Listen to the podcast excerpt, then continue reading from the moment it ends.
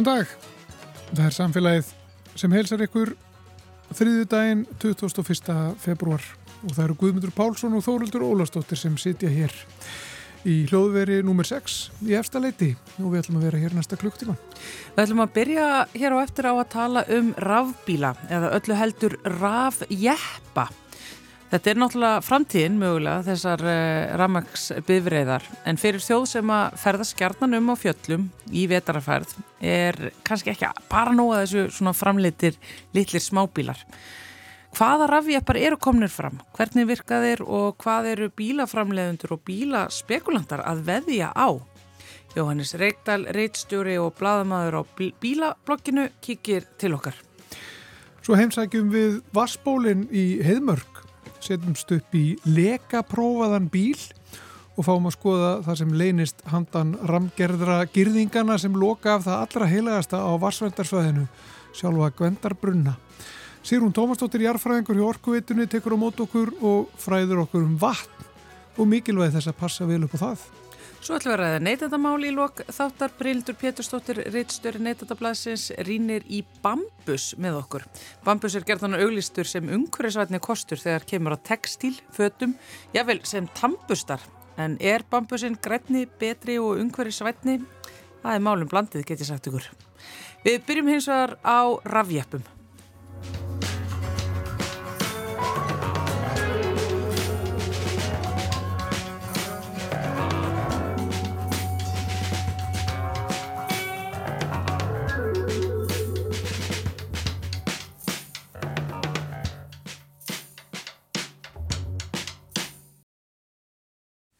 Já, mér sittur Jónas Reykdal, reittstjóri og bladamæður á bílablokkinu, sælverstu?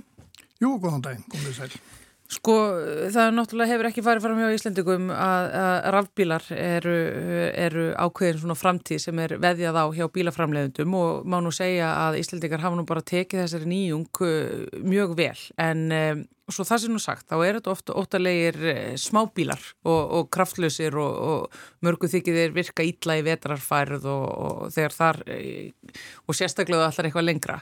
Þannig að rafjeppanir, Íslandingar horfa mikið til þeirra hvaða rafjöppar er í bóði? Það er í sjálfu sér ekki mikið vegna þess að bílarnir sem komi hérna fyrst voru eins og segir eftirlega bara venjulega fólksbílar sem voru búin að breyti í rammagna einhverju leiti. Nokkri er að síðan hannar algjörlega grunni frá sem í þeirri hugsunni vera rafbílar. Já. En hugtæki rafjeppi er svona rétt að fæðast almeinlega núna Já. vegna þess að mikið af þessum upphækkuðu fólksbílum sem að bílaðumbúin hafa verið að kynna sem jeppa. Þetta er engir jeppar. Þeir eru sumir hverju meira sé bara með dreifi á einum axli en aðrir eru vissulega með dreifi á, á báðum axlum, fjórum hjólum.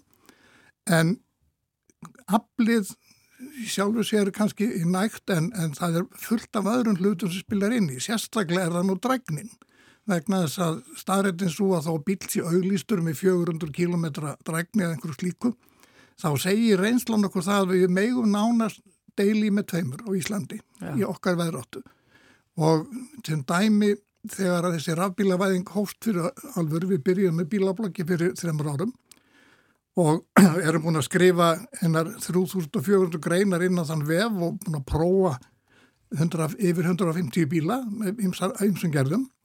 En náttúrulega sá hluti þeirra sem myndi fallast í jepp er náttúrulega til til það með fáir. Og, og, og ég held líka að bílaumbann hafi verið að gera sér svolítið óleik með því að auglýsa suma litlu bílunum sem jeppa því að þá fer fólk að horfa á þessu líka og missi trúna á rafbílunum sem jeppa í alvörunni. Bílaframleðendur út í heimi eru komin að fulla ferð með að kynna núna bíla, jápil stóra rafdrifna pallbíla, en þeir eru rétt að byrja að kíkja inn á markaði núna, það er enginn komin, ekki, ekki alveg axtur neinstðar, ekki að viti. Og verður aldrei í það að þeir komi hér, við getum búist að fyrstu rafpallbílarnir sem eru alveg fjallabíla starða, þeir munum koma kannski að næsta þannast ári, ekki fyrir. Á hverju er svona miklu erfiðara að gera rafdrifin jeppa heldur en þessa smábíla? Það er fyrst og fremst þingdin, stærðin og raflöðunum þarf að vera og ímislegt í kringum bílin vegna þess að, að raflöðunars verum í dag, það er duga jú til að knýja lítinn fólksbíl í kannski 300-400 km mm. en ef þú ætlar að knýja bíl sem er helmingi þingri á gödunni þá þarftu miklu með ramagn meir, meir stærra flöðu og ég held að í sumu tilfellum sé nú bara jeppaframleitur alveg að býða eftir næstu kynnslóðar af flöðum sem er að byrja að byrjast núna. Rafluð sem ekki eru byggðar á þessum dýru góðmálmum, heldur bara heila nýri alveg vera byggðar á hjálpni Já. sem að gera það verkum að það gjátur stærri og þar með ódýrari.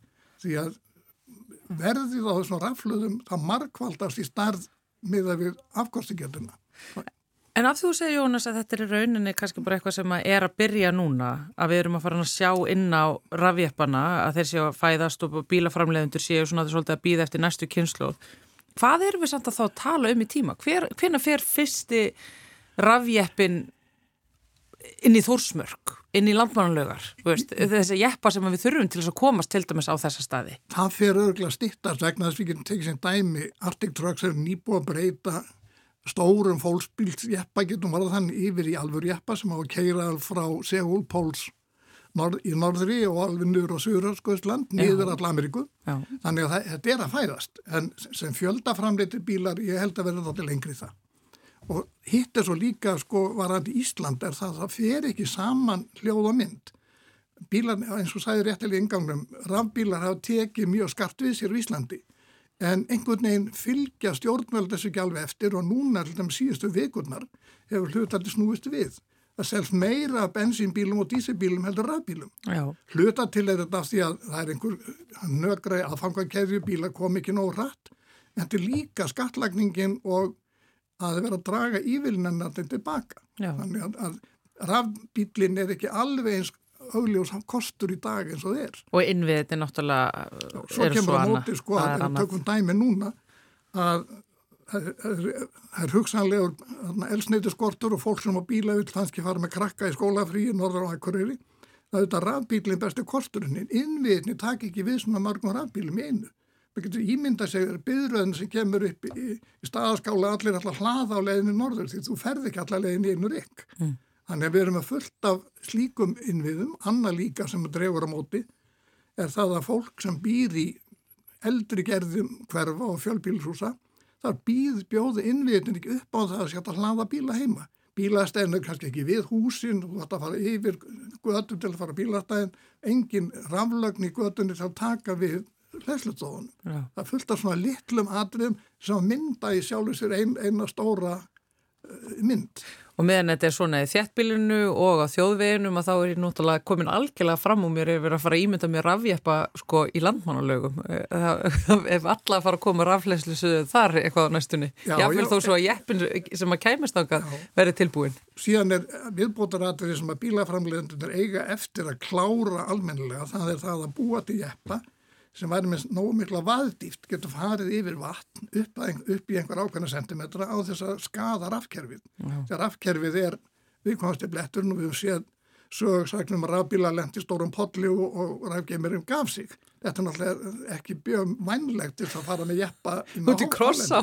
Nei. Nei, já, ymmið. En verða er, verða er mjög þungir vegna þess að það eru raflöður? Já, raflöður. Og verða er þá bara Já, er það bara mjög erfitt að, að, að keira um á slíku bílum að þeir eru svo óbúslega þungir? Það menn er á fulli ferð að, að fara þarna bílbeggja sem gera raflöðuna skilvirkari og þar með kannski léttari leðinni. Við erum búin að við nýja hönnun á raflöðu, þetta eru litla sellur, sí, sívalningar sem ræða saman í stóra pakka sem eru í flestum rafbílunum og þessi sívalningar eru byggður upp af efnum sem eru sjálfgef efni og annur ekki og núna viljum við einfalda þetta og fara bara nýri miklu einfaldari málma sem við getum að gera raflöðuna stærri Já. en á þess að þingis kannski neitt óbúrslega mikið en þetta áfram samt er þetta þingdar vandamál vegna þess að við tökum bara vennilara bíl við bílablokkin tókum í upphafi eh, rafbíla tókum við til prófunar í til fjóra frá fólksvækjan vorum henni sex mánuða langtíma prófun gerðum fullt af útastáttum og vídeóm um þennan bíl og, og rafmagnu yfir leitt fórum við viðtöl við leigubílstjóra sem voru að skýra hvernig væri að vera að keira á ramas leigubíl miða við að vera hefbundum bíl. Og alltaf kom þetta að enda þetta alltaf á dragninni og leigubílstjóri þeir, voru mjög ánæði þegar gáttu farið þrjárferðir frá Reykjavík til Keflæk og hlugaldar tilbaka en einn er viðkjöndi, ég var á síðustu millilítrónum ef ekki orðað svo framagn því ég kom tilbaka. Já. Þannig að þetta er alltaf takmar, takmarkunni að það hvað getum kert langt. Drækni kvíði er raunverulegt vandamál. er, hann er drömmulegt vandamál og ef þú að yfir, yfirfæra þetta yfir jeppa sem vilt fara lengar og fara út úr sjálfu innviða kerfinu Já, þá hefur einhver hlæslustöð, þá er orðin rækni og þú hefur einhver möguleika á rafmagni fer nema þá að vera með einhverja hlæslustöð í skottinu sem knúin er það bensín eða dísil. já. Það er ein, eina leiðin. Þetta er nefnilega aðtæklusast að vita þessu, en sko þegar kemur einmitt að þessum sko bílaframleiðendum og hvað eru að veði á, að þá er það líka, það er skrýtna fréttir sem að bera start til dæmis eins og þetta með að Toyota ætla bara ekki að vera, vera, vera með í rafjeppavæðingunni. Já, við erum náttúrulega ekki sjá fyrir endan á því alveg. Þeir komið þarna með einnar afbíl sem að stóð nú ekki alveg vendingar. Forstjórin sem var yfir Toyota er nýlega búin að draga sér hlið og nýr tók við vegna þess að sá sem var að fara. Hann valdi þann kost að veðja meira á vettni sem orkugjafa heldur en ramagn og það er að sína sig bara að viðskipta umhverfi, sérstaklega í Asíu, er ekki alveg tilbúið að kingja þessari stefnu. Og núna sjáum við þá vantarlega fljótlega að Toyota kemur til með að breyta sínum áherslum. En, bara, en við getum sagt sumuleiti þeirra mistu svolítið á strætó. En er þetta, er þetta svona, sumir hafa talað um að þetta sé eins og Vaff-AS spólutnar og, og, og betakerfi þegar það, það, það var, það hafa verið svona tekist á um það hérna fyrir hvað, 30, 40 ára? Já, það er, já, það er, við getum alveg hort ef við horfum til Asíu, sérstaklega Japan, þá má alveg horfa á þetta, þessa samlíkingu vegna þess að sumir framlegandan þar fóru strax að hugsa fyrir ramagni, aðrir ekki og þeir hafa verið mjög seinir inn á ramasmarkaðin. Mm. Kynverjarnir átt móti fara sko, að hafa flóið inn á ramasmarkaðin. Við sjáum sko, við höfum ekki sjá finn endan af því hvað við fáum mikið af kynverskum rafbílum inn, inn á markaðin og þar eru komnið til dæmis bíla frá Kína og munu koma á næstundu sem eru arrafagnar og við getum alveg kalla jeppa í raun og veru. Já. Þannig þeir eru að koma en þeir eru bara ekki komnir. En svo, svo er líka kostnæður að þetta eru mjög dýri bílar og það stefnir í að jeppun verði mjög dýr. Jeppar já. mjög dýr, jeppar eru náttúrulega dýrir en þeir verði gríðalega dýrir. Og það voru fréttir- dæmum það til dæmis að nýlegur kýmversku jeppi kom mér á marka sem kostar að bílina frá 12 upp í 20 miljónir. Eitt bíl. Mér finnst það alltaf mikið fyrir svona bíl sem er þó ekki, er ekki einu svona alvöru jeppi, er bara sko mm búin, betur búin Hvað er þetta bara einhver slittu eppi þá bara? Já, góður slittu jeppi, já, ég reyna að já. Það voru fréttir um, um Hummer um daginn, það voru komin rafjeppi frá Hummer. Jú, jú, hann Til- er til hérna, Íslands og hann en átti að kosta- Hann næri ekki í gegn Ameríku, hann er ekki, ekki að ná sko þeim vinsaldur sem að ég reiknaði með. En hann átti að kosta rúmar 40 miljónir. Já, já, þetta er sem sagt, tölurnar eru svo óraunverulegar ennþá. Já. Menn er með þróunarkostnaðin en það er nýjus örgli verðin og annað. En það kemur, það er að koma, ég held að það sem gerist fyrst og fremst bandar ekki megin frá, að þeir komu stóru pappbílana sem við þekkjum alla sem að, með bensínu og aðalega dísivilum, þeir eru allir að færa stýrramagn og koma núna hver að fætur öðrum, þau eru að kynna það á síningum fyrir vestan núna undanverna mánuðum. Þessi bílar koma á fulla ferð spá ég eftir 1-2 ár. Og, og þá er verið, held ég búin að leysa líka þetta vesen að með ekki fara yfir læki og eitthvað á þess að skemma rafmagnið. Já, sko, bara líka þannig að þessi sagt, bandaríkjumenn eru á einhverjum skrýnslegjapum án þess að þurfa þeir. Þeir eru ekki að fara yfir fjallvegina sem við erum að fara á. Þeir eru bara á hraðbrautum, en þeir eru hins og rosalega hrypnir af þessum skrýnslegjapum. Sem eitthvað svona stöðutákn. Þetta er bæði stöðutákn, þetta er líka áratuga vani vegna þess að ef við tökum alla smábændurna sem búa í miðríkjum bandaríkjana eiga kannski 100-150 kilometra í, í, bara í næstu sjoppu eða næstu búð þeir eru á þessum bílum að veri frá lokum setni heimstyrjaldan á svona bílum að þeir samin að fara í bæin, ná í ábyrðapoka eða eitthvað, þannig þetta er bílinn fyrir þá. Þetta er bara allt í þessum bíl. Já. Já. Ford F-150 pallbílinn mest seldi bíl í bandaríkjum áratugum saman. Já. Ekki fólksbíl, heldur, japp, heldur pallbíl. Já. Þannig að segja sína sögum hvað þau vilja. Já, hver er mest seldi bíl á Íslandi? Mástu það? Mm, Ég man það bara ekki hverju best heldur ögnablikinu sko en Toyota var að að selja í eintökum sko yfir línuna en, en það er ekki, þetta eru minni bílar, þetta er, en- þetta er ekki stóri bílar.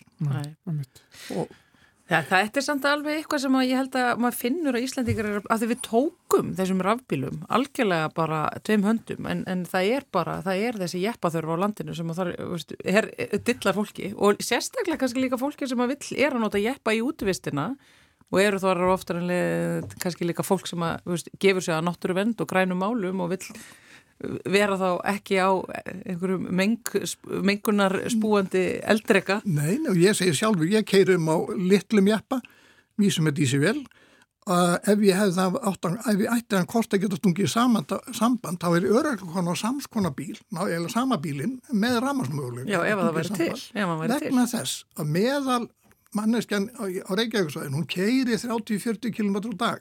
Og þó sést með ramarsbíl með lítilli dragni þá náðir allir að dekka þennan axtur og myndið döga en ég held að þarna komið inn við að málinu. Það er alltaf langsótt að stingi samband. Mm -hmm. Kanski bara svona í lokin uh, sko um þar sem að þessa dellu að, að hérna það var svona byggla bíladellu og fylgjast með bílu, þú er búin að fylgjast með, með nýjungum á bílamarkaði í áratugi, ekki satt? Ég byrjaði 1973 fyrir 50 ára Já, lokkala og, og ég segi, við erum búin að, ég er búin að ég þátti að skrifa bara síðustu þremur árið 3040 greinar á vefinn minn, þannig að maður er alltaf að. Hvernig gengur að fylgjast með núna þegar það er svona margt að gerast? Það er bara hellingsvinna. Ég er að vinna allar dagið þýðingar en nota á milli til að, að reyna að fylgjast með. Maður þarf að hafa sér allar nað. Mm -hmm. Munurinn sá að maður fer minna setni árið og COVID er náttúrulega slögt að því alveg menn fara minna á bílasýningar og fylgjast með þannig nú notar neti í staðin mm -hmm og þar flæða endalust fréttur um að það vera bara fullu að sikta er þetta eitthvað sem hendar okkur eða þetta er eitthvað sem hendar einhverjum öðrum mm -hmm. Er ekki líka með einmitt bílan sko það er að sjást að vera að prófa eitthvað bíl eitthvað staðar og það er verið að reyna svona dulbúan eitthvað og það má ekki sjást alveg hvaða bíl þetta er og er þetta ekki alls konar svona líka? Jú, en það er við að reyna að fiska það upp alltaf ef, ef þetta poppar upp einhverju bílavefsum ellendis með bíla. Þeir eru ljósmyndar sem ger ekkit annað en að elda þessar slóðir þar sem eru er verið að prófa bíla. Norður, Finnland og Norður Svíþjóð svona veturnar og þeir eru að senda þessar myndir og þetta, þetta er það sem heldur þessu gangandi. Sko. Heldur þú eh, sko, að þið nú eru búin að tala um sjálfgerandi bíla í mörg ár? Mm, eru þeir að handa við hotni heldur þú sem er búin að fylgjast með þessi 50 ár? Alveg á klárlega vissum svæðum í þéttbílum borgum, þessum er lægi en í landins okkar sem er með hálf ónýtt veðakerfi, engar vega, litlar vegamerkingar, þá er sjálfkerrandi bílinn langt í burtu vegna þess að þeir þurfa svo miklu að halda umhverju. Það er á góðar veglínur, malbyggi þarf að vera slétt, agre, allar agreina þurfa vel merta til þess að sjálfkerrandi bíl getis átt þessu umhverjun og kert. Já. Og þetta gerist við svo í þettum nýjum borgum en hjá okkur er miklu lengri í þetta. Já, þannig að Þóruldur er ekki að í Þórsmörk á sjálfkerrandi jeppa. Nei. Það er alltaf ekki, ekki, ekki næstu tíu ára. ekki bróð. Jóhannes Reykdal, reitstjóru og bladamæður á bílablokkinu. Takk hérlega fyrir að koma hérna til okkur í samfélagi. Mín var ánægn. Sunny Yesterday my life was filled with rain Sunny You smiled at me and really eased the pain. Now the dark days are done and the bright days are here. My sunny one shines so sincere. Sunny one so true. I love you. Sunny, thank you for the sunshine bouquet. Sunny, Thank you for the love you brought my way. You gave to me your all all, tall. Sunny one so true, I love you. Sunny, thank you for the truth you let me see. Sunny. Thank you for the facts from A to Z. My life was torn like windblown sand. Then a rock was formed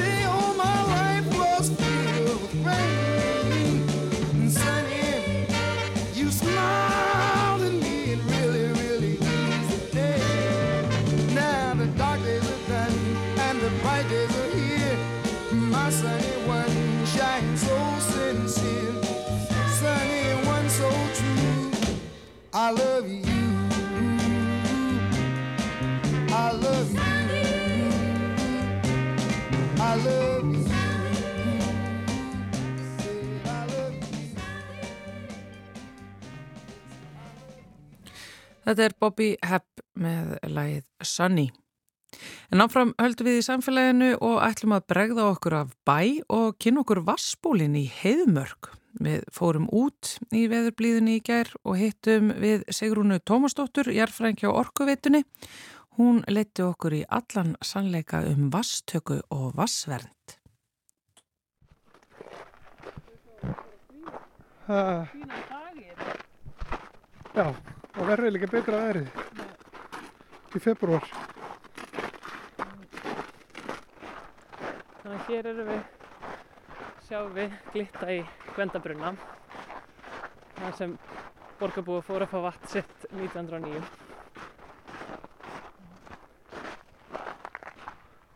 Þetta er nú bara svona þessi klassík, þetta er aldrei bara fyrir upp á lúki, ef við getum sagt það. Já, þetta er bara svona gömul svona vassdæla eitthvað. Já, en hérna... Handdæla. Sko það er óvinni mikið vatn á svæðinu núna bara þeir eru búin að vera svo miklu leysingar. Þannig að við gætum í rauninu oftast labbað örlítið lengra.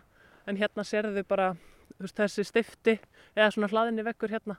Þannig er intaks, uh, hér er intaki á pípunni sem að fór með vatni til borgarinnar. Þangað til við fórum að taka vatn úr borhólum þannig að frá 1984 Já.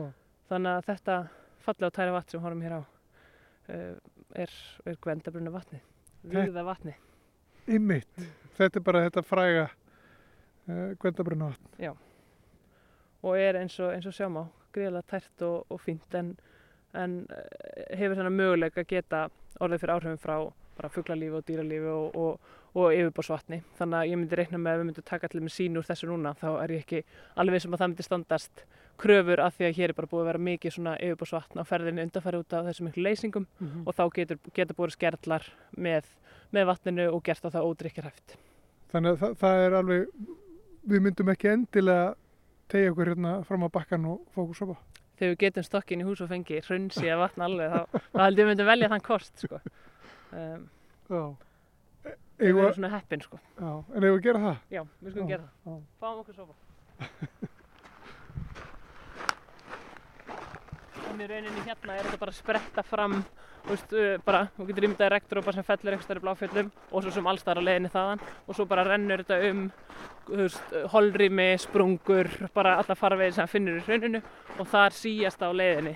Þannig að þetta er, þú veist, síjan okkar er bara allt hrauni sem vatni flæðir um og þannig náum við gríðarlega góðum vaskæðum hérna og ég held að þetta er alltaf þetta er alltaf þetta er mikið stolt okkar að vera með þetta góða vatna því þetta er ekki veruleiki sem margar aðra þjóðir búið við að vera með svona víðfenn svæði það sem er þú veist, lítið sem mikil starfsemi uh, að því að á mörgum önum stöðum eins og til dæmis bara þéttbílulöndum í Evrópu sem eru láglend þú veist, þá ertu kannski með opin vassból og þú veist bara nálagt með eitthvað yðnað eða landbúnað eða eitthvað aðra starfsemi. Það sem er miklu erfiðar að, að passa upp á vaski og stýra þessu. Og þá þarftu kannski að vera með mjög kostnar með, með kostnar miklar sko, framkvæmdir og síjanur aðgerði bara til að ná fram þessum neysluvaskæðum En Hvenar, hvenar áttu að fólk sig á því að það væri ekki kannski endilega besta hugmyndin að, að sækja vatnið hérna úr þessu opna vassbóli? sko ég held að veist, hugmyndin var, var mjög góð og þetta er, þú veist, það var til dæmis verið að skoða hvort það ætti bara að taka vatn úr elli á honum fyrst og svo bara var gerðið samanbörður á vatni sem kom hérðan og þaðan og þá bara komið ljós að voru miklu betri vaskæði hérna. En, en það er í rauninni kannski þegar bara það er farin að vera tekin regluleg síni þá sést að það er möguleiki á sörmengun frá dýralífi hérna á svæðinu. Það eru þetta bara fuglar hér eins og annars þar og svo er þessi möguleiki að það getur komið flóð. Það sem, að, það sem mikið magna yfirbúrsvatni kemur og getur þá bara uh, blandast í þetta vatn og gert það ódrykjarhæft. En það er svona um 1970 sem það byrja að bóra eftir vatni á svæðinu. Og nú pössum við að setja ekki eftirlitskerfið í gang. Svona, tekur smá tíma fyrir ljósinu kveikna. Já, býtur nú við, ok. Og hér eru komin inn í sko uh, stórt rými, Já. hér eru stórar leiðslur Einmi, og hvað, hvað, inn í hvaða sal eru við komin, sko, þess að hérna eru við, þetta er svolítið svona inn í einhverju bergi eða, eða þess að þar. Það var sem sagt tekið efni hérna þegar var verið að byggja varnagarða til þess að reyna að varna því að flóða vatn gæti komist inn á vassbólunum. Það var tekið efni hérna þannig að þetta er í rauninni bara eins konar svona uh, sko hvað getur við sagt, bara sprunga eða, eða náma hérna sem síðan var bara ákveða að byggja Gvendabrunna húsið yfir. Þannig að þetta, hérna inni eru síðan borhólur, við sjáum að hérna innst eru, eru nokkra borhólur og síðan er langu gangur þar sem þeim er raða eftir. Þannig að það er rauninni verið að vinna þannig sem sama vatn og við erum að sjá fyrir utan en við erum bara að vinna aðeins, veist, aðeins ofar í strömmnum. Þannig að það er það ekki orðið að yfirbúrsvatni, ekki orðið að tjött, það sem að getur verið fugglalíf og svona heldur er það bara inn í hrauninu og inni þaðan úr. Þannig að frá 1984 þá hefur allt vatn verið tekið úr borhólum og það veitir það miklu betri vörn við þessari örverumengun af því að þá ertu ekki, ekki með opið vassból heldur, heldur alfarið loka. Eins og við vorum að ræða á þann þá, þá kom samt alveg í ljós eftir 1984 að það, þessi möguleikjur ennþá fyrir hendi. Við erum þó við séum að þó við séum komið loku vassból þá er samt aðrinslisaði nær frá bláföllum en það er alveg drópi sem fellur hérna bara innan heimurkur, hann skilja sér líki vassbólinn og, og, og í svona hlákaatbyrjum þegar mikið af vatni bráðnar á stuttum tíma þá getur það að skila sér mjög lítið síjað ofan í vassbólinn og tekið þá með sér þessa gerla sem að ná ekki að síjast frá af því það er bara ekki nógu löng reynslisvegalengt og þá höfum við fengið svona atbyrði uh, líka úr þessum borhólum. Þannig að það var tekin í, tekin í gagni eins og hvernig hláka áallun 97 og þá sérst, er bara ákvæmna hólu, til dæmis þær sem eru hérna inn í Gvendabrunahúsinu þar sem við stöndum, þær eru bara lokaðar frá oktober til apríl og þá tökum við bara ekkert vatn hérna og reynum að taka vatn úr dýbri hólum sem eru þá með betur síja vatn. Hefur þurft að gefa út eitthvað aðvaranir eða skrúa fyrir vatn hérna eða eitthvað slíkt bara núna nýlega? Sko það var stór svona hlákuatbyrður árið 2018 í januar, mann á móti januar og februar og þá gerðist þetta að það kom svona gerlamengun í nokkrar hólur einna og það sem var sérstætti þann atbyrður var að það dögðu ekki til að vera með þessar hólur á þessar hlákaállun sem verður ekki notaðar það bara komu upp þessi mengun í fleiri hólum sem við höfum ekki talið að væri útsettar fyrir svona. Og þetta var reynir bara með umfangsmikið sínatöku sem að þetta sást. Þannig að þá þurft að gefa út svona söðu tilmæli og fólk beða sjóða vatn að því rauninni bara þær hólur sem ennþá voru af fullkonu vaskæðum voru ekki, gátt ekki annað allir eftirspurninni. Þannig að þetta, við höfum farið í greiðlega mikla rannsóknir í kjölfarað á þessu til þess að reyna að fá betri rauntíma sín á þessu vaskæði af því að auðvitað eins og vorum að tala um áðan að, að sko, þetta reglubinda eftirlit sem heilbyrðiseftirlitið er með vastökursvæðinum það, veist, tíðinin á því fer eftir, fer eftir fólksfjölda á veitusvæðinu þannig að það er auðvitað þegar við sjáum að eru miklar, brey, mikil breytilegi vaskæðum eftir bara árferði þá geta, þú veist, þá er ekkert, þá spyrir veðri svo sem ekkert um, eða vaskæðin spyrir ekkert um hvenar, hvenar næsta eftirlit er að dagskrá, heldur það bara breytist eftir, eftir veðra vindum, þannig þannig að við viljum að því að þessi sínataka það tekur þrjá daga að fá út úr henni. Og þú ert búin að býða þrjá daga þá er auðvitað bara varan komin til nótenda þannig að við höfum verið svona aðtöða hvað við getum gert til þess að sjá betur bara hvernig varstöðungæðin eru hverju sinni. Þannig að við getum þá breytt, gert breytingar og stýringum á upptæktinni eftir aðstæðan hverju sinni. Og þá séð bara ok, heyrðu, það er hérna eh, viðratböru aðsí við skulum skoða hvernig hann fer og ef það verður eitthvað breytingar þá getum við tekið meira vatn til dæmis úr þeim vastökuhólum sem við erum með ofar í landi það sem er minni hægt á svona áhrifum. Svo þarf að passa líka að það berist ekki mengun í, í vatnið hér. Þetta er vassvendarsvæði. Við komum hingað keirandi á bíl sem er, er sko mertur, það er búið að leka prófa bílinn þannig að það er ekki verið að berast neitt úr honum. Þetta er, þetta er tekið mjög alvarlega og þetta er vel afgirt hérna og, og það er fylgst vel með og það má það lítið út að bregða það hvað? Algjörlega og, og það sem við erum búin að vera að tala um núna er svo sem bara þessi gerðlamengun en, en sko óljumengun og efnamengun er svo sem uh, annar hlutur að, að þú veist eins og við vorum að lappa fram hjá þessum stóru tækjum hérna sem eru lýsingatæki það sem er sérst síðan þessi atbyrju var hérna 2018 þá var tekin ákvörnum að fara að lýsa vatnið að þessu neðra svæði hérna Gvendabrunnu svæðinu með útfjölbjó ljósi til þess að óvirkja örverur í vatninu en það veitir enga verð gegn efnamengun eða oljumengun þannig að þú veist ástæðan fyrir að vera með þessi viðfömi vassvendarsvæði er bara að vera með mjög gljúp raun hérna og þú veist oljumengun getur bara haft mjög alvarlegar afleðingar fyrir vassbólinn og við viljum auðvitað bara þetta að venda þessa þetta fjöreg okkar fyrir bara allar komandi kynnslóðir og það er bara mikil ábyrg sem okkur er fólkin sem við viljum standa undir. En það er umferð náttúrulega hérna bílaumferð og, og vera að flytja eitt og annað sko á svæðinu hérna eins og bláfjallarsvæðinu og hérna viðar það er náttúrulega mjög fjölfarin þjóðvegur hérna bara rétt hjá. Ég er hægt á ferðu með þú veist þyrti að ja, grípa til enn svona harðari rástafana til þess að venda þetta svæði? Sko þetta er auðvitað það sem að, þetta er auðvitað þær áhugir sem við erum með bara á hverjum degi og þau viðfarsögnum sem við erum alltaf að, að garfa í sko er að passa upp á þetta bara og reyna alltaf að auka meðvutund um þetta og það er algjörlega hana, með tímanum alltaf að verða meira og meira meðvutund um þetta. En það er kannski fólk átt að segja endilega á því að hluti Suðurlandsvegar fari í gegnum vassendarsvæði en svona er það og sama auðvitað eins og nefnum með Bláfjallaveg, það er, hana, það er inn á fjarsvæði vassendar líka. Við, við reynum auðvitað bara að hafa mikið eftirlit með því, með því sem far fram. Til dæmis er alltaf fyllt með öllum ólíuflutningum upp, upp í Bláfjöld til að passa upp á það og auðvitað bara svona skýrt viðbræðið eitthvað, eitthvað fyrir úrskeiðis en við viljum bara að, að það gerist ekki og, og erum þess vegna með bara mikið eftirlit með þessu og reynum að vekja aðtegla á þess alltaf. En þetta er þetta svæði hér, þetta, þetta neðra svæði, uh, kvendabrunnar og, og þetta, þetta svæði hérna þar sem við erum núna, já. svo eru náttúrulega fleiri hólur hérna ofar eða hvað? Já, já.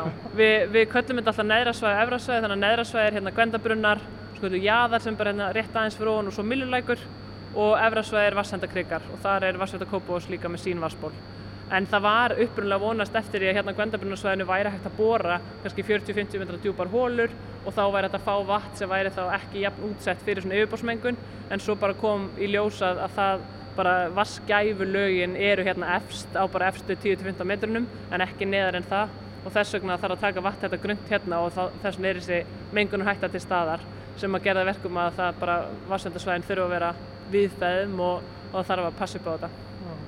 Hvernig mæli maður sko vaskæði vegna þess að veist, eitt er að það sé ekki hörverur í vatninu og þess að það sko það sé ekki að berast eitthvað í vatni sem að getur verið hilsuspillandi en, en hvað, hvað annars er það sem að hvernig skilgrunum við vaskæði?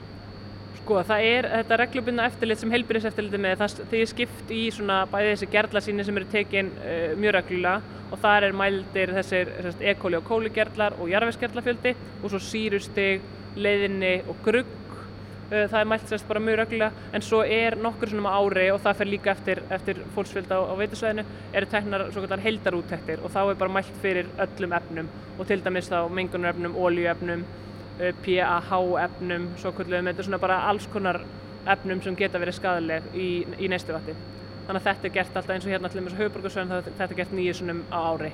Það er svona úttekt. Og það eru til ykkur staðlar eða það eru ykkur svona ykkur mælikvarðar á það hvernar vatn er gott Já. og hvernar það er ekki gott? Algjörlega, það er bara, það fari eftir neistuðas reglugerð uh, sem að segja bara til um hversu mikið, mikið af, af öllum efnum áveri vatninu en svo er þetta auðvitað sérstaklega þegar við vorum að tala um, uh, tala um sko út í, í hennum stóra heimi. Það er auðvitað alltaf að koma líka bara fram ný mengunarefni sem kannski voru ekki vandamál fyrir einhverjum árum en eru svo bara að koma uh, veist, verða til í nýjum yðnaðferðlum og er að koma í ljós núna séu, séu vandamál. Veist, þannig að þetta er og að því var að tala um á þann að ég var á Vassætu ráðstöfnu út í Kaupmannöfn síðasta haust og, og það er rosalega áberandi umræðum alls konar mengunarefni og leysa og veist, svona viðlóðan eh, efni sem kom úr teflonpönnum og einhverjum svona bara þú veist ferlum sem eru svo sem ekkert óæðilega bara í okkar nútíma samfélagi en eru að skila eiturefnum út í vassból sem geta haft mjög heilsusbyllandi afleggingar þannig að þarna aftur eru við rosalega svona lukkuna pamfílar að vera með þessi viðfumi vassvendarsvæði og, og þetta víðerni og vera með þetta hreina drikkjuva þannig að það er eitthvað sem við ættum algjörlega að, að leggja hart á okkur að vernda af því að þetta er auðvitað bara allt hann að há þeim ákvörnum sem við tökum. Fyrstu skorta á það að fólk átti sig alveg á því bara hvað þetta er dýrmætt og, og hvað við erum hérna með mikil verðmætti og hvað þetta er raunin eru mikil forréttindi einhvern veginn að hafa aðganga svona miklu hreinu, hreinu vatni. Sko ég held, ég held að við áttum okkur svo sem alveg á því hvað við séum heppin en ég held að, úst, ég held að, að það sé samt gott að við séum alltaf minna okkur á þetta að þetta sé ekki sjálfsagt og að við berum mikla virðingu fyrir þessu. Þannig að ég held að, ég held að við séum öll volið stolt af, af vatnin okkar og, og þessum vaskæðum en að við vegum bara vera duglega að minna okkur á þetta og hugsa um þetta svona í dagstæla lífinu. Að þó við séum með líka mikið, mikið magna vatni þá eru þetta ekkert óþrjótandi og að þú veist maður eh, áalveg að byrja virðingu fyrir því magni sem maður notar Já. þó að það sé til vel af því. Erlendis þá er fólk sko það er alltaf að skrúa fyrir sko. Við erum svolítið mikið að láta renn það er hérna fólk sparar vatn miklu meira erlendis finnst manni heldur kannski er það mismunandi eftir löndum, ég, ég veit ekki en svona íðulega þá, þá sparar fólk og fer fólk sparlega með vatn en ekki svo mikið hér. Nei, sko það var samt, það var gerð rannsókn fyrir nokkrum árum þar sem var verið að skoða þetta, skoða bara einangra ákveð hverfi og sjá bara hver vassnótkunnin á hvern íbúa eh, væri. Og, og neðustan úr því að var að, að vassnótkunnin væri svona kringum 140 lítra á dag á hvern íbúa og það í rauninni sko í, í samhengi við aðra þjóðir er bara, er alls ekki mjög mikið, það er svona bara eh, kannski á pari og stundum minna en, en sumar aðra þjóðir.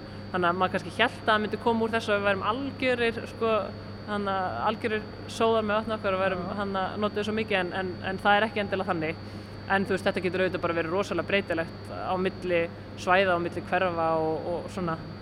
En, en getur samanburður, við útlönd eitthvað haft með að gera sko heitt vatn og kallt vatn? Erum við að hérna er, er, er það samanlagt á þeim sama vatnið einhvern veginn sem, sem fer í heita vatni og kalda vatni og er hýtað kannski jafnvel í húsum?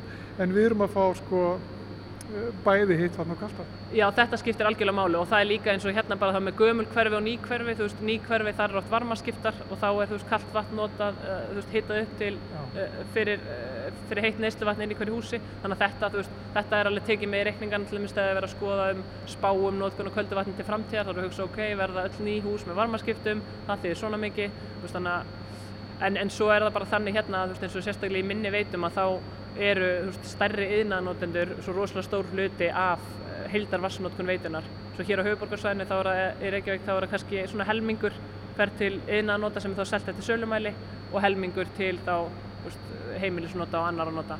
En, en þetta hlutvært getur verið mun hærra allir með sem minni veitum, þar sem að kannski eitt og eitt fyrirtæki eru fann að spila rosalega stórt hlutverk í, í heildarnótkun veitunar. Ætluðu við að fá okkur sopa? Heyrðu, já. Ég ætlaði reyndar að sína þér, ég ætlaði að sína þér fyrst hérna aðeins, fyrst við vorum að tala um þetta rauntíma mælingarnar á örverðum. Þetta hérna tæki, þetta er þessum köllum trítlateljaran, heitir hérna Bactosens. Trítlateljaran? Já, trítlateljaran, það er mjög skemmtilega nafn. Hér erum við semst að mæla örverur í rauntíma, þá bara á 6 tíma fresti þá kemur mæling hérna á bara hver, hver heldar örverufjöldi vatninu sé. Nú sjáum við hérna 17.860 þetta er til dæmis miklu herri tala en við erum að fá út úr þessum reglubundu sínatökum að það er verið að rækta ákveðnar örfur úr vatninu, hér erum við bara að tala um allan fjöldan og, og, og það er fullt af örfurum sem bara, eru bara skalausar og, og mega bara verið í vatninu já, já, já. og gera gagni það er bara alls konar, alls konar flóra í vatninu eins og annar staðar og, og hér til dæmis sjáum við þessi tala 17 er svona í hærra er, svona, er hærra en venjulegt svona bakgrunnsskildi hérna. Og það er bara því að við erum ennþá með áhrif á þessum leysingar atbyrði hérna í vatninu. En þú veist það þýðir ekki að það sé neitt að þessu vatni alls ekki, það þýðir bara svona að það er aðeins meira að vera verum heldur en vanlega Já það er að berast bara í, af yfirborðinu já, vatn já. Í, inn í uh, kerfin Já svona niður í hraunlaugin og, og, og best, besta hinga og náttúrulega þeim er lengra sem það hefur runnið þeim er betur síað er það þannig að þó að við sem komum með þessi, þessi lýsingartæki núna þá er þú veist síunin sem við erum að trista á er þessi hraunsíun, alla rennslisleiðina hún sé að síja vatnið okkar og gera og koma þeim til okkar að þessum góðu neistugæðum sem, sem að vanalega er tilfelli. En þegar sko nú við að horfa hérna á þetta tæki þetta er svona skjár, þetta er bara svona það stendur Bactosense á þessu tæki sem Já. við veitum ekki alveg hvað, er það merkið bara? Já, það er, er bara þannig að nafni á tækinu. Já, og þetta er eitthvað sem er kallað Process Photometer. Já. Og, og hérna hér sér maður bara að það er eitthvað leiðslur hérna, það fyrir vatni inn og það fyrir vatni út. já. og þetta er nú ekki mikið flóknar en það svo sem. Nei, og þetta er tekið úr hérna risastóri risastóri röri hér. Já, þetta er sem sagt taka vatn úr þessari borhóli sem við erum að horfa á hérna sem heitir hóla 19 og, og svo erum við með sambærlega mælitæki líka á öðrum stöðum, við erum með annar mælitæki upp, í, upp á jæðri, annar mælitæki á, á, fyrir Vassatakrika og annar fyrir Millulæk, þannig við erum með svona rauntíma sín á vaskæðan á þessum mismundi stöðum og þá getum við séð til að það er leysingaratburur hóla Vaff5 er til dæmis boruð eiginlega bara onni í sprungu þannig að hún er mjög móttækileg fyrir. Veist maður sér eiginlega strax í henni eða kemur úrkomatburur þá veist, hækkar vassborði í henni og örverufjöldi ekst um, þannig að hún sýnir mjög fljótt ef það er eitthvað breytingar að verða. En til dæmis Vassandakriki þar sem að hólnar eru miklu dýbri þar er svörunir miklu setni og, og bara gildin almennt mjög stöðu Já. þannig að það er klárlega breytilegi innan svæðisins. En þegar að gildin fara svona stað og, og það ykst fjöldin, fjöldi hérna örvera í, í já, hvað, er þetta ekki reiknað bara á millilítra eða jú, eitthvað svo leiðis? Að er þá tílefni til að taka síni og kannamálun á? sko þú veist, nú erum við þetta bara með, eftir því sem við erum búin að vera með hana búna lengur þá erum við farin að skilja betur þú veist, uh, sko það, það er ekki alveg samheng, ekki alveg samband á millið hvort að komi einhver svona, einhver á jarfiskella sem mælast eða E. coli eða coli, alls ekki en, en við sjáum þá allavega að við getum orðað þessum svo að kannski neysluvaskeiði séu aðeins fallandi ef að þessi gildi fara upp og þá getum við til dæmis bara hætt upptækt úr þessari hólu Já. og eða tekið meira af öðrum stað og getum gert svona breytingar á stýringum sem er ótrúlega flott að hafa kost á. Og hérna heyriru þessa, þetta hann uh, þetta smá væl hérna, þetta er borhóludæla uh, að hafa fyrir að koma vatni til, til fólks.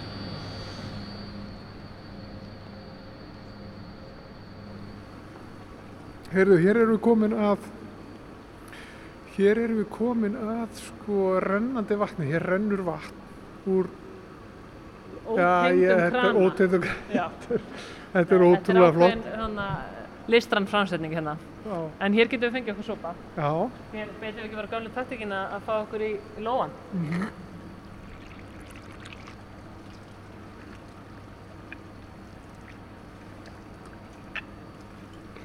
já, já Svona 3,6 gráður.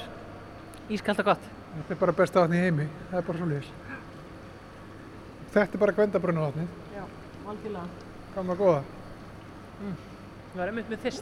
Það er fullkomið. og, og er þetta á leiðinni gerist eitthvað á leiðinni tapast eitthvað skeiði eða bætist eitthvað við vatnið eða Nei, sko, eins og þetta, þetta reglubundu eftirlit sem við vorum að ræða áðan, það er ekki bara tekið hérna, það er bara tekið alls þær dreifukjöruna einmitt alveg út á bara ánanust, bara a- ú- yfir allt dreifukjörfi, þannig að það er alveg fylgst vel með því, en svo getur auðvitað verið eins og ef þú ert með gamla lagnir til dæmis inni hjá þér, þá getur alveg farið að þú veist og sumir hafa kannski einhvern tíðan tekið eftir og fara að fara að fá eitthvað svona rauðan lit á vatni eða játnbræð til dæmis, þá getur það verið merkjum að þurfa að fara að skoða hvort það þurfa að skipta út lögnum. Um, en, en þetta, þessu eru að fylgjast með í þessu eftirliti að ef það kemur eitthvað, eitthvað hækku gildi á eitthvað þá við að skoða hvort að eitthvað svona getur orsakinn en, en almennt sé jú og svo, svo getur það líka hittna aðeins þú veist frá því uh, bara við að fara gennum dreifukerfi þá getur vassitin aðeins hækka Sigrún, ég ætla að fara hérna, segja þetta gott mjög skemmtilegt að fá að koma og, og skoða þetta, virkilega gaman bara gaman að fá þig Sigrún Tómasdóttir, jarðfræðingur hjá Orkuveitunni. Takk kærlega fyrir að taka mót okkur hérna uh, í Gvendabrunum og sína okkur þetta. bara mín var ánæginn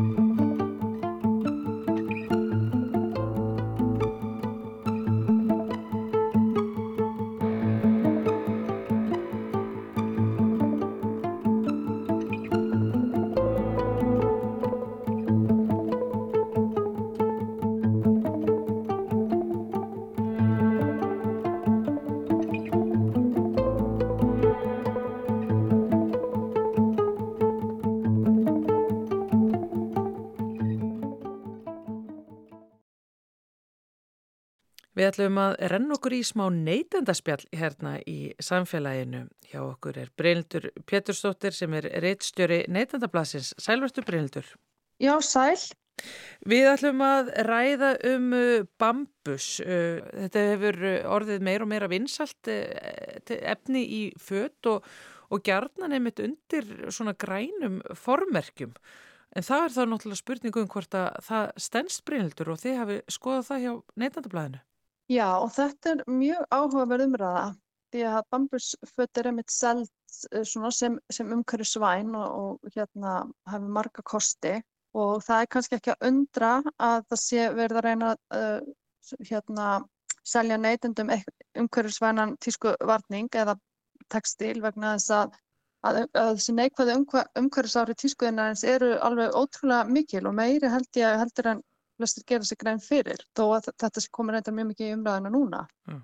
En tískuðinarinn er ábyrgu fyrir sko 10% af allir losum gráðurúsalóttegandi í heiminum og það fyrir bara uh, þetta eikst bara með ári hverju og talað að verði komið til 26% 2050. Já.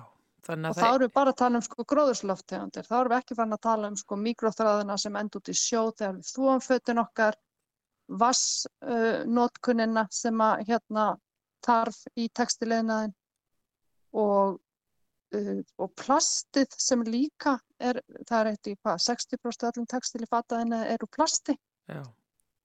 Og, og, já, og talið að, að sagt, uh, tískuðinaðurinn beri ábyrð á 20% allir yðnaðar mengun á heimisvísu þannig að þetta er mjög, mjög mengandi yðnaðar og, og hefur náttúrulega verið mikið umræðinni út af því að við erum að eh, nota fötinn lítið og þau enda, enda hjá Rauðakrossunum og enda síðan jáfnvel bara í einhverjum fatarúm í einhverjum eðimörkum þar sem að hérna, þar sem að þau valda bara vandraðum vegna þess að þau brotna illa niður og það er eitrefni í fötunum og, og svo er kannski kveikt í þessu og þetta er bara ekki, ekki gott.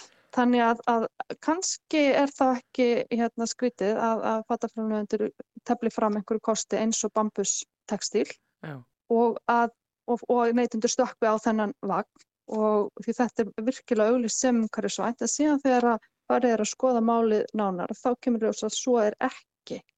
Vegna þess að sko bambus eins og slíkur er umhverju svænt vegna þess að hann það þarf til dæmis ekki, hann vex bara eins og yllgrisi það þarf ekki að hérna, að nota varnarefni á hann eða eiturefni. Það hristir allt af sér. Og, og það er vissulega mjög jákvægt og meðan að bómullin sem er auðvitað mikið notið í textil er, er gríðarlega óumhverju svæna því leiti að, að það er svo afur í heiminum sem að krefst hlutfarslega mestrar eiturefna notkunar. Um, og vandin er sá að þegar til þess að vinna bambusinn sem er bara svona í rauninni hard, harður eða svona hard, harðar trefjar að þá fer hann í gegnum þetta viskós, uh, þetta ferli sem er notað til að búa til viskós. Og það þýðir bara að það er svona einhver efnasúpa og sem að þræðirnir eru settir út í. Þetta getur verið bambus, þetta er líka nota, trákváða líka notað til að búa til viskós. Já. Og síðan er þessu, sagt, þessu efnaferli breytt í þennan, þetta mjúka efni sem að við kunnum virkilega auðvitað vel að meta það, það er rosalega mjúkt og, og svona notalegt og virkar einmitt einhvern veginn svona náttúrulegt og, og, og umhverfisvænt en, en það er það raunverulega ekki. Af því að það hefur farið í gegnum þessa efnasúpu. Ef að bambu Já. sem væri náttúrulegur og þá væri hann náttúrulega grófur og harður. Já, þá væri, þú myndir ekkert alveg sérstaklega mikið vilja ganga í þannig flík. Það væri bara verið að búa til einhver, einhver textil úr þeim trefjum þannig að það þarf að fara í gegnum þetta ferli og það er þá í rauninni þessi vin, vinna með þessi kemísku efni sem er þá kannski þá til vandraða og í Evrópu að það er náttúrulega gerða miklu ríkari kröfur til framlýslunar þannig að efnin, hérna þessi kemísku efni fara bara í ákveðin farveg en engin trygging fyrir að það, það sé í þessum fjarlægu löndum þar sem að þetta þessi viskósið er unnið að mestu leiti og öllum líkindum er það ekki endilega ábyrg framlegslega vegna þess að það væri verðið hærra. Já. Og, og já, og í dag er það Kína sem er langstæsti viskósframlegandin í heimi. E, og síðan er alls konar fulleringar sem að, um, er slengt á þess að þennan textil eins og að uh, bambus uh, textil sé bakteríudrepandi og, og hýtastillandi og það er alls konar svona fullirðingar í gangi sem að svona allavega sérfræðingar sænsku sem að sænskaneyndablaða hafið samband við telja sig nú ekki standist ekki. Um, en það eru bakteríadrefandi efni í bambusjurtinni það er það sem hún þarf ekki það þarf ekki eiturefni við ræktunin á henni. En þegar búið er að fara með bambusin í gegnum þessu efnasúpu þá er þessi bakteríadrefandi efni löngu, horfin sko. Oh. og síðan var gerð hérna um, gerði bandaríska tímariti Good Housekeeping, gerði gæðakönnun á mismunandi, einhverjum tíu mismunandi vörum úr bambus eða úr eukalyptus og einhverjum öðrum plantutræfjum og niðurstaðan var að, þeirra, að þessari rannsók þeirra að það fannst ekki tangunni tétur af nokkrum trefjum í sjálfum textilnum búið, að því það er búið að leysa upp og búið til hennar cellulósa þá er, þú getur ekki fundið bambustrefjarnar í, í loka afurðinni. Þar að leiðandi þá hafa eftirlits yfirvöld í bandaríkjunum uh, voru, það voru, var, hérna, voru komið nóga þessu fullirðingum öllum saman Já. og gripu til aðgerða og, og það voru kæðir hérna þessu Walmart og, og Kohl sem að um, var gert að, að láta af þessum fullirðingum eða greiða háar sektir af því þetta er, væri í rauninni grænþóttur. En samt eru við enþá að sjá bara ef að ég fer í verslani núna alls konar bambusföt með þessum grænu umhverfisvænu merkingum. Þannig að Já, þetta er, og það er greinlega raunin- langt land. Já, já, það er rauninni bara eftirlistofnana að, hérna, að fylgjast með þessu og, og neytenda að gera þeim uh, viðvart. Því að það getur alveg og, og, og líklega er verið að taka, er, er verið að taka ástórt upp í sig Já, þarna. já, Þa- Þannig að, já, þannig að þessi bambus framleysla, þessi bambustekstill er ekki þessi, þessi umhverfisvæna löst sem að verður að leita að í, í, í hérna tískuðinarum. Því að um, neytundur eru farinir að gera ríkari kröfur um hérna, umhverfisvæni tekstil já, og þannig að það er kannski ekki, en, en það er bara kannski með þetta eins og allt annað, það er bara að kaupa bæra minna og nýta það vel, það er ekki vera eitthvað verra að kaupa eitthvað bambus, eitthvað bambus uh, tekstil frekar en eitthvað, frekar en bómull eða hvað annað, já, já. en það er kannski ógnóttin sem að er uh, fyrst og fremst vandamálið, bara allt, allt og mikið framleitt, allt og mikið til. já. Láti ekki selja sér legar, það er nú eitt. Nei, nákvæmlega, en þetta er auðvitað, þú veist, og það er oft mynd af, af pöndu, svona pattarlegri pöndu sem er að naga bambusinn og auðvitað svona auðvelt að upplifa að þetta sé, þetta, þetta sé náttúrulegt og gott. Já. En, en bambusinn sem pandan er að smjatta á og, og það sem er svo end, á endanum í textinum er bara eitthvað, sami hluturinn. Nei. Hvað með uh, bambustambustan sem að hefur uh, notið gríðarlegra vinsælda hjá fólki sem að er að reyna að, að skipta út fyrir umhverfisvætni hluti? Einmitt, við höfum ekki skoðað það, en þar ertu í rauninni, ég, hún keft svona tannbusta, en þar ertu í rauninni meira að nota træfiðarnar eins og það er koma á kunni, þannig sé. Já, Þannig að ég myndi nú halda að það væri um, umhverfisvætna. En svo er kannski vandamál með tannbusta, við reyndar ræðum um tannbusta í þessu sama neytendablaði, að það er um, að við erum alltaf að kaupa tannbusta og hendum svo skaftinu. Það er kannski skarra að henda bambuskafti heldur en plastskafti, vissulega mm. En það er alveg merkilega lítil þróun á því að, að geta bara keift haus já, og setta á skafti og geta á skafti í, í, í tíu ári eða hvað veit ég. já, En við erum alltaf að henda, henda hérna, tannbustum af því að þræðirnir eru ekki lengur eitthvað farnir að eðast. já, Þannig að það er, það er einmitt, já bara hýtts bara þannig á, það er umfjöllun um tannbusta, bæði ramast tannbusta og, og einmitt uh, þessa sóun eða hvað maður kalla það sko, því að líftími tannbusta hann er nú almennt stuttur. Tala um að, hvað, í bandaríkjunum þá sé einu miljari tannbusta hent á hverju ári, einu miljari tannbusta á einu ári. það er rosalegt. Og það er erfitt, þetta er ofta, er, sko, þetta fyrir kannski með plastunni en svo plasti í, í, í hérna skaftunni eða hvað við kallum það annað heldur svo í þráðunum Já, og það er talið, já, hver einst tannbusti með framleitu sé ennþá til í landfyllingum. Ég veit ekki hvort þeir eru brendir eða hvað er gert við þetta sko. en þetta er rosalegt. Já, þetta er alveg rosalegt og það er skrítið, það er í rauninni mjög skrítið að það sé ekki, það er, já, það er til tannbustar sem eru það sem getur, það er ál, hérna, handfang og síðan er, er þetta að kaupa nýja hausa. Já, það er þó snögtum skar- skarra. Það er snögt um skára, þetta er tiltölulega nýtt og ég, ég er ekki að sjá þetta þegar ég út í búið miklu mæli. Þetta er, ég vil bara erum við að kaupa tannbustan og þar að auki líka í einhverjum plast umbúðum pappi að baki og plasta fram. Þannig að þetta er, það er alveg hægt að gera betur þarna myndi maður halda. Já.